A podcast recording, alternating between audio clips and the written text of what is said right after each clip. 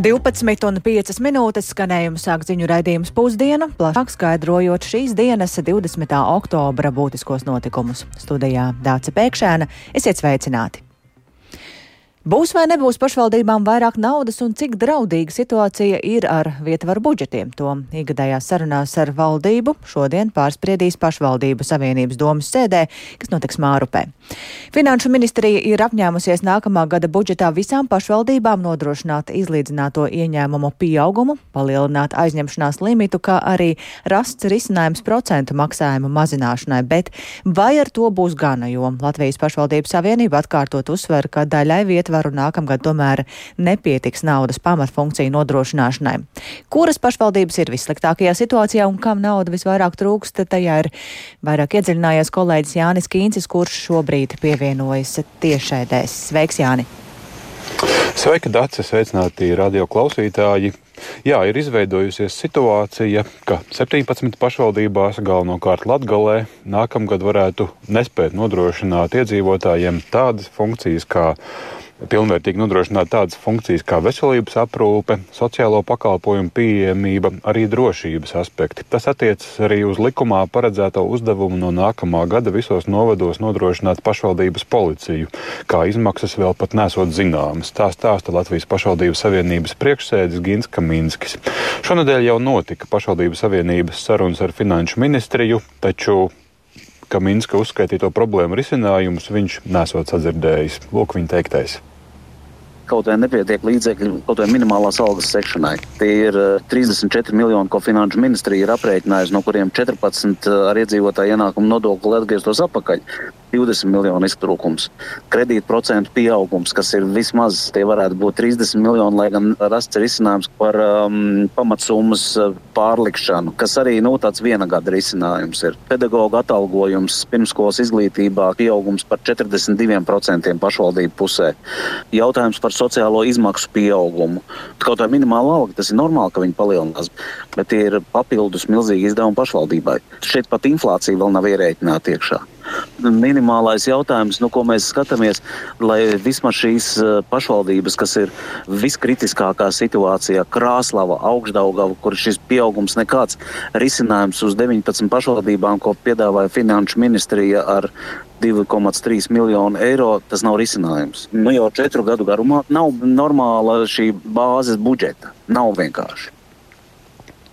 Pašvaldības savienības vadītājs šajā citātā jau pieminēja finanšu ministrijas piedāvātos atbalsta pasākumus pašvaldībām nākamajā gadā. Tātad eh, budžetā 19 pašvaldībām piedāvāts nodrošināt izlīdzināto ieņēmumu pieaugumu, tam paredzot papildu 2,3 miljonus eiro. Tāpat piedāvāts palielināt aizņemšanās limitu, kā arī rast risinājums procentu maksājumu pieaugumu mazināšanai. Finanšu ministrs Arvils Ašaradens no jaunās vienotības norādījis, ka ar šiem pasākumiem šo spiedīgo situāciju pašvaldībās izdosies novērst, taču ka Minskis ir citās domās. Kā šīs sarunas turpināsies šajā pēcpusdienā, vēstīsim vēlāk. Šodien pašvaldības savienības domas sēdē piedalīsies arī premjera Evika Siliņa un arī vidas aizsardzības un reģionālās attīstības ministra Inga Bērziņa no jaunās vienotības. Un valdības sēdē vienošanās un domstarpību protokolu par nākamā gada budžetu un budžeta ietvaru turpmākajiem trīs gadiem ir paredzēts izskatīt nākamā nedēļa, nākamās nedēļas valdības sēdē. Kas tajā būs iekšā, šodien ceram vēl sadzirdēt. Dace.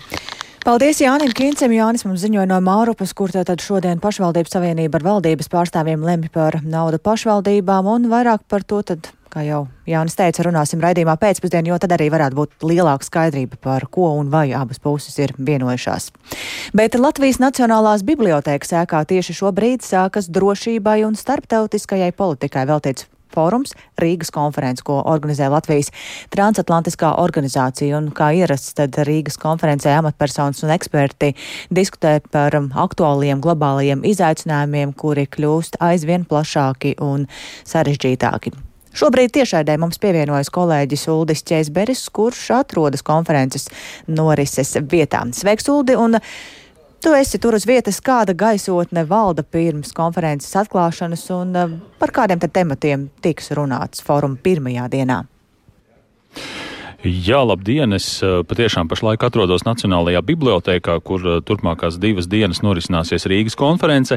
Nu, šeit valda tāda manāma rosība, ir sapulcējušās daudzas Latvijas un arī ārvalstu amatpersonas, tāpat ir daudz mediju pārstāvju, protams, arī drošības un starptautiskās politikas eksperti no visas pasaules. Jā, pēc nepilnas stundas pulksteni vienos konferenci ar uzrunu atklās valsts prezidents Edgars Rinkēvičs. Pēc viņa klātesošos uzrunās arī ārlietu ministrs Krišānis Kariņš un Eiropas Savienības iekšējā tirgus komisārs Thierry Bretons. Un eh, tad jau sekos arī paneļa diskusijas, un pirmā no tām būs veltīta Eiropas drošības nākotnē ģeopolitiski arvien nestabilākā pasaulē. Un uh, šajā diskusijā tiks meklētas atbildes uz jautājumu, kāda būs uh, Eiropas loma šādā pasaulē. Visticamāk, Eiropai būs jākļūst aktīvākai spēlētājai starptautiskajās attiecībās, lai palīdzētu risināt dažādas uh, krīzes, tostarp arī militāras. Par to, par to tad arī spriedīs šīs diskusijas dalībnieki. Bet sekojošajā diskusijā Latvijas aizsardzības ministrs Andris Sprūts un arī Igaunijas aizsardzības ministrs Hanno Pevkurs apmainīsies ar viedokļiem par to, kas būtu jādara, lai stiprinātu NATO austrumu flanga dalībvalstu aizsardzības spējas, ņemot eh, vērā nu, to, ka Krievija vēl ilgstoši būs to drauds numur viens. Un šodien tiks diskutēts arī par eh, pēdējos NATO samitos pieņemtajiem lēmumiem, kā arī par Krievijas imperialismu, digitālo autoritārismu, nu, un arī citiem interesantiem un uh, nozīmīgiem jautājumiem. Un, protams, par konferences gaitu norisi ziņosim arī šodien un rīt ziņu mm, raidījumos. Dāce! Paldies Uldim Česberim. Tātad, kā jau tu teici, tad arī plašā konferencē par konferencē spriesto stāstīsim um, vēlāk, arī redzīmā pēcpusdienā. Un um, noteikti drošība būs uzmanības centrā, kas ietver arī ģeopolitiku atbalstu Ukrainai, um, kā to esam gatavi atbalstīt, stiprinot arī mūsu pašu drošību. Taču plānojot konferenci vēl nebija sāsinājies jautājums tuvajos austrumos, bet kā šorīt raidījumā labrīt kolēģiem Artais Kujai un Laurim Zvejniekam sacīja aizsardzības ministrs Andris Sprūts no progresīviem, tad brutālie uzbrukumi Izrēlē noteikti liek aizdomāties par to, kā attīstīsies tālāk reģions, kāda tam ir ietekma uz drošību un ģeopolitiku un kā tas ietekmē palīdzības sniegšanu Ukrainai. Līdz ar to tas var pamainīt arī akcentus konferencē, bet nekādā veidā nemaina to, ka ir jādomā par drošību, aizsardzību un kā risinām starptautiskos konfliktus. Paklausīsimies Sprūdu teikto šorīt redzījumā. Labrīt! šie visi jautājumi noteikti ir aktuāli, bet tas jau nemaina to pamatbūtību. Pamatbūtība ir to, kā mēs šo pasauli un mūsu pašu drošību stiprinām, kā mēs stiprinām to, ka starptautiskā kārtība ir normās bāzēta un notikumu gaitas procesi savstarpēji ir saistīti. Bet uh, agresori jau starptautiskās normas neievēro. Tad mēs redzam, ka tepat kaimiņos var nodarīt pāri gāzes vadam, arī sakaru infrastruktūra nevienmēr ir pietiekami pasargāta, kā ir iespējams reaģēt uz šiem riskiem, mums ievērojot normas un otrai pusē nepārāk. Jā, jautājums noteikti arī vietā, bet nu, mēs vienmēr saskarsimies ar to, ka būs kādas valsts, kas pārkāpj šīs normas. Skaidrs, ka šobrīd situācija pasaulē ir tāda, ka mēs redzam, ka tiešām, diemžēl, traģiski šīs normas tiek arī pārkāptas. Nu, protams, ka tas ir noticis arī pagātnē. Skaidrs, ka šeit ir jārēģē. Un, uh, normas ir jāizstāv, un tās ir jāizstāv stingri ar vērtībām, ar politiku. Un, respektīvi, protams, ka arī šīs konferences ir tas, lai vestu kopā sabiedrotos partnerus un lai par to arī runātu. Un vēlreiz jau šeit ir absolūti skaidrs reakcijas attiecībā uz Krievijas agresiju Ukrajinā. Kā skaidrs, ka Ukraina cīnās gan par starptautiskām normām kopumā, gan par mūsu vērtībām. Tāpēc šis atbalsts arī ir stingrs un nezūdošs. Un, respektīvi, līdzīgi jau arī citās situācijās. Arī ar um, Izraela, kurā atbalsts arī bija skaidrs un viennozīmīgs, respektīvi, ka, protams, ir jāvēršās jebkurā gadījumā pret teroristiskām organizācijām. Vakar valsts prezidents sacīja, ja pierādīsies uh, fakts, ka Krievija ir iesaistīta gāzes vada bojāšanā, tad viena no versijām, ir, ko teorētiski varētu apspriest, ir Baltijas jūras slēgšana. Mums ir resursi to izdarīt vai palīdzēt citām valstīm to izdarīt? ja atklājas informācija, ka Krievija ir tiešā veidā iesaistīta, tad eh, skaidrai rīcībai ir jābūt stingrai. Ar Krieviju var runāt tikai no spēka pozīcijām. Krievija teiksim, tādu vājumu īsti nesaprot. Tas ir arī lielā mērā par NATO kredibilitātu. NATO jau kopumā ir jau šobrīd reaģējusi, sūtot gan izlūku lidmašīnas, gan mīnu kuģus. Tā kā būtībā reakcija jau ir notikusi. Nu, tad ir skaidrs, ka jābūt NATO arī vienprātībai par to, kāda ir šī tālākā rīcība. Vai šeit tiek iedarbināts ceturtais konsultāciju pants un aiz tā seko arī konkrētas rīcības, konkrētas aktivitātes. Tas jau ir teiksim, tā NATO konsultācija rezultātā. Tā kā šeit nu, varbūt es nesteigtos notikumiem pa priekšrīcībai, būtu jābūt skaidriem. Tā kā tie risinājumi ir dažādi, noteikti viens no risinājumiem arī prezidenta minētais, bet eh, nu, te būtu jāvienojās par to, kā tas ir izdarāms, vai ir arī citi risinājumi, kādā veidā tomēr šī reakcija var tikt nodrošināta. Teikt tālāk aizsardzības ministrs Andris Sprūts no progresīvajiem. Un konflikts Gazā un iespējamā kara darbība šajā reģionā ir ietekmējusi arī apkārtējās valstis, kas līdz šim ir bijuši iecienīti turisma galamērķi un nestabilās situācijas dēļ šobrīd nebūtu ieteicams doties atpūtas ceļojumos ne tikai uz Izraelu, bet arī uz tās kaimiņu valstīm, to starp Ēģipti.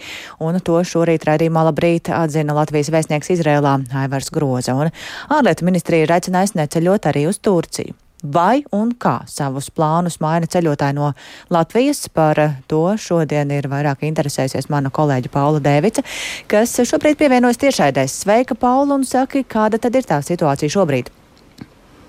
Jā, sveika, Dārci, labdien, klausītāji! Atgādināšu, ka nākamajā nedēļā sākās skolēnu rudens brīvlaiks, tāpēc ceļošana šobrīd ir tāda īpaši aktuāla. Daudzas ģimenes ierast šajā laikā dodas sasildīties uz kādām siltākām zemēm, starp kurām nereti ir tieši Ēģipta un Turcija. Un, jā, šodienas garumā esmu plānojis parunāt ar ceļojuma aģentūrām, lai noskaidrotu, vai ceļotāji maina plānus, taču līdz šim arī esmu noskaidrojis, ka daļa ceļotāji tiešām jā, par ceļošanu uz Eģipti ir pārdomājuši. Tomēr uzgāja arī kādu ceļotāju grupu sociālo mediju vietnē Facebook, un tur šobrīd notiek spraigas diskusijas starp lietotājiem un viedokļu cilvēkiem pavisam atšķirīgi. Daļa mudina būt piesardzīgiem un gatavoties arī reaģēt ārkārtas situācijās, bet daļa tomēr tā teikt paļaujas uz veiksmi un ceļojums neatceļ.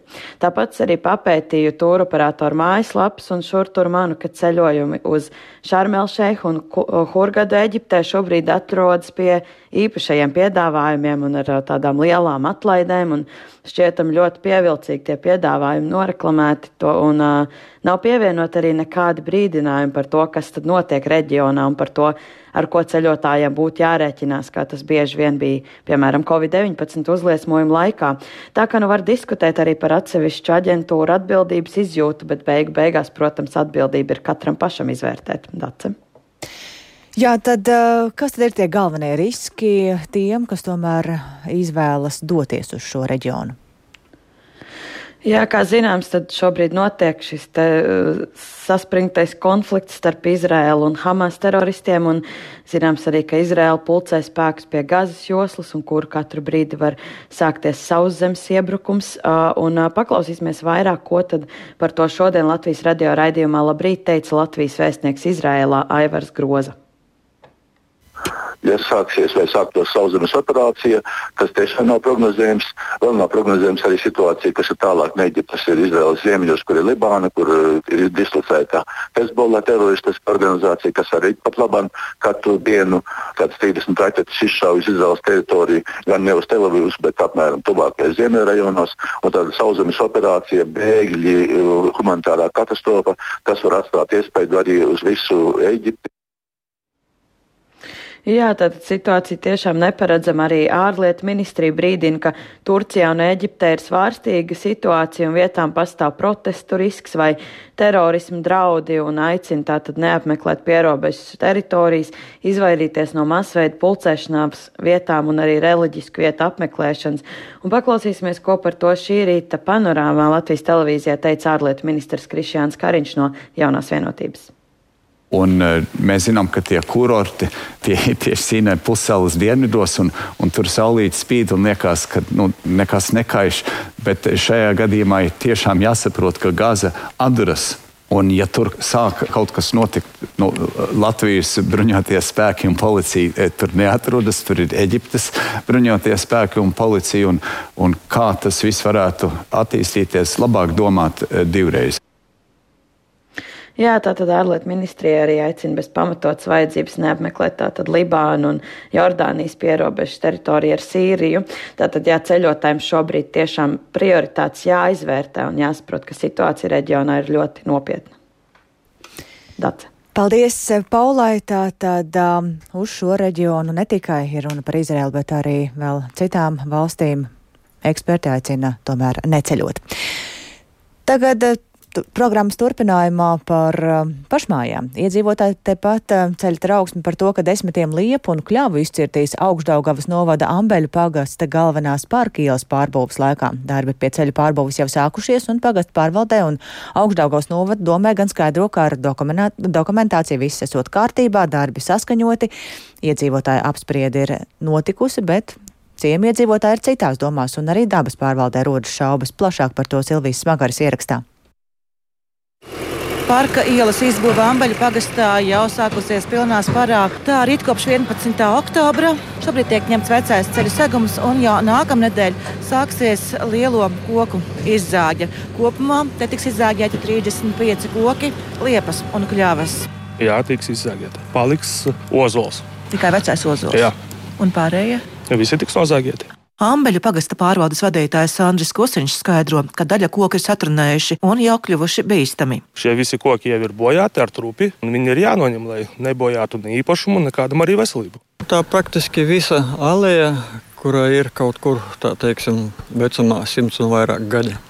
Un tā vietā, lai viņu apkoptu, izzāģēt ir visvienkāršākais. Tikai nevar saprast tos mērķus. Ja mēs, teiksim, iedzīvotāji to negribam vispār.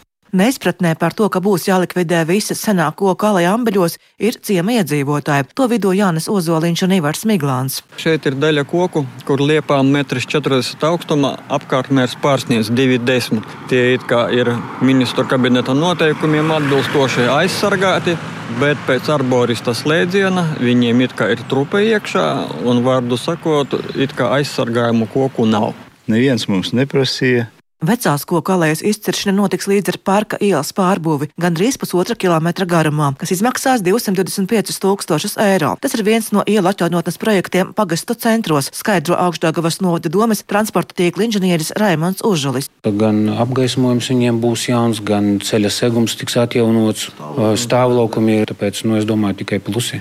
Tomēr šiem plusiem nebūtu jābūt uz skaisto koku rēķina, tos izcērtot, saka iedzīvotāji, apšaubot visu koku izciršanas likumību un iespēju paust savu viedokli. Mēs saprotam, ka tas ir ļoti labi. Ciemata labi iekārtošana būs jauns ielu segums. Tiešām koki arī pie mūsu mājas stāv sudrabegli nokautusi, kuru sen jau būtu laiks nogriezt. Varbūt vēl kāds bīstams koks. Nevis nogriezt visu aleju. Pagastā pārvaldes vadītājs Andris Kusiņš to noliedz un skaidro, viss ir likumīgi. Bija sabiedriskā apspriešana, tika saņemti daudz viedokļi, bet uz pašu sabiedrisko apspriešanu neieradās neviens iedzīvotājs, kura bija vēl maijā.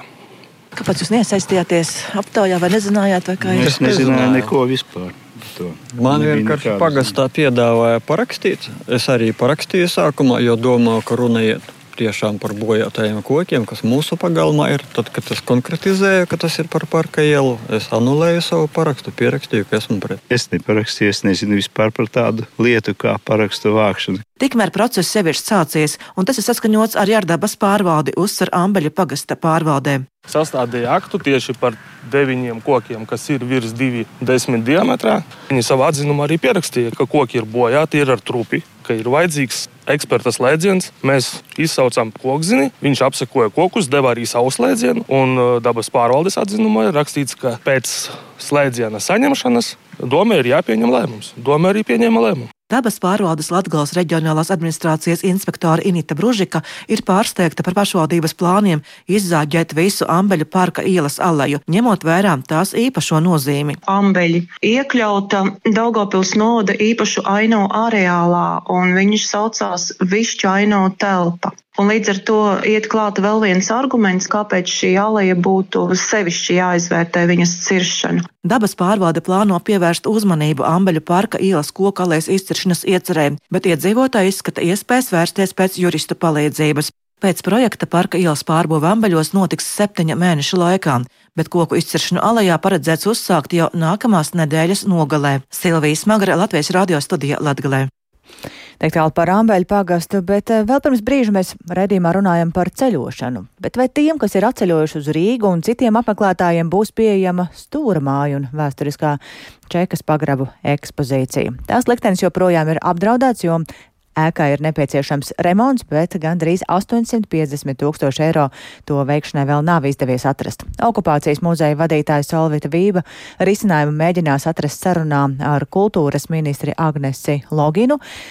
Un šodien situācijā šajā ir vairāk iedziļināsies mana kolēģe Ieva Puķa, kura šobrīd pievienojas tiešēdē. Sveika, Ieva! Labdien, Dārci! Labdien, klausītāji! Jā, nu kādas tad ir tās galvenās problēmas? Mhm. Jā, stūra mājā m, mm, galvenās pro problēmas ir tās, ka ir bojāts uh, griestu pārsegums pagrabstāvā un ir arī uh, problēmas ar uh, signalizācijas sistēmu. Tas gan šobrīd nav redzams, ir parasta darba diena, samērā daudz turistu. Ekspozīcijas telpā pie ieejas, kur, kur kādreiz bijusi čeka sēdama zāle, viņi lasa informāciju par šo ēku. Ekrānā griežas video rullīts ar ieslodzīto atmiņām. Es satiku turistus no Anglijas un Spānijas. Eh, kur izteicās, ka ir sajūsmināti, ka šāds objekts ir atvērts apskatēji. Eh, telpās ir silts, eh, taču apkure nav un nebūs pieslēgta. Personāla telpas arī ziemā sildīs ar elektriskajiem sildītājiem, bet turisti pagrabā dosies ar mēteļiem. Iespējams, ka tā ir šāda muzeja eksotika. Laikam turisti arī nesagaida lielākas ērtības. Un okupācijas muzejā, kas ir stūra mājas jumta organizācija, man ir stāstīts, ka laikā, kad šeit ieslodzīja cilvēku, blakus apkura speciāli netika atslēgta vasarā, un tā bija viena no spīdzināšanas metodēm. Taču ziemā, kad šeit ir muzejs, apkuras jautājums ietekmē ēkas konstrukcijas, un, protams, ir nepieciešams sakārtot ugunsdrošības sistēmu un nostiprināt pagraba pārsegumu. Ja, netikšot, ja tam netikšot rasts finansējums, okupācijas muzeja pēdējā darbdienas stūra mājā būs nākamā gada 7. maija. Šādas ziņas ir izplatījusi okupācijas muzeja administrācija, un muzeja direktors Olvita Vība iepriekš ir norādījusi, ka ministru kabinetā ir iesniegts kultūras ministrijas sagatavots informatīvais ziņojums par nama tehnisko stāvokli un neatliekam veicamajiem darbiem. Tāpat ir sagatavots ministru kabineta rīkojuma projekts par šīs summas piešķiršanu no valsts budžeta programmas līdzekļu neparedzētiem gadījumiem. Bet acīm redzot, nekas nav noticis nesot skaidrs, kas un kā sagatavos stūra mājas nākotnes redzējumu, vai, tā, vai tie būs valsts nekustamie īpašumi, kur pāraudzībā ir šī ēka, vai kultūras ministrija, kas savukārt pārauga okupācijas muzeju. Uh, visticamāk, neziņa arī ietekmē cilvēku, uh, darbinieku motivāciju, jo gide, ko satiku stūra mājā, uh, kas bija tajā brīdī vienīgā darbiniece uz vietas, man norādīja, uh, ka ēkas saglabāšana nesot saistīta ar okupācijas muzeju, viņa strādājot šajā ēkā, kamēr šeit darbosies ekspozīcija, eh, un tāpēc interviju par savu redzējumu nesot gatava sniegt. Eh, un muzeja direktors Olvita Vība savukārt no rīta bija konferencē, tikko saņēma no viņas ziņu, ka viņa ir gatava runāt pēc tikšanās ar kultūras ministri ap pulkstens trijiem pēcdienā, un tad arī dzirdēsim, vai tā bija tikai iepazīšanās vizīte, ja bija rasti kādi konstruktīvi risinājumi, tāpat arī mēģināšu sazināties ar valsts nekustamajiem īpašumiem, vai, vai ir kaut kas mainījies.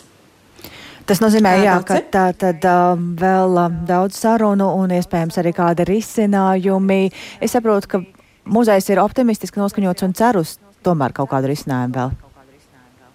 Nu, kā mēs redzam, pēc turistu lielās intereses, es domāju, arī muzejs, ja, ja šeit nenāktu cilvēki un ja šī ekspozīcija nebūtu tik, tik tiešām nozīmīga mūsu vēsturē, un arī okupācijas muzejam, kā, kā jumta organizācijai, tad jau arī tā necīnītos par tās saglabāšanu, jo šī ēka patiešām ir unikāla. Mm.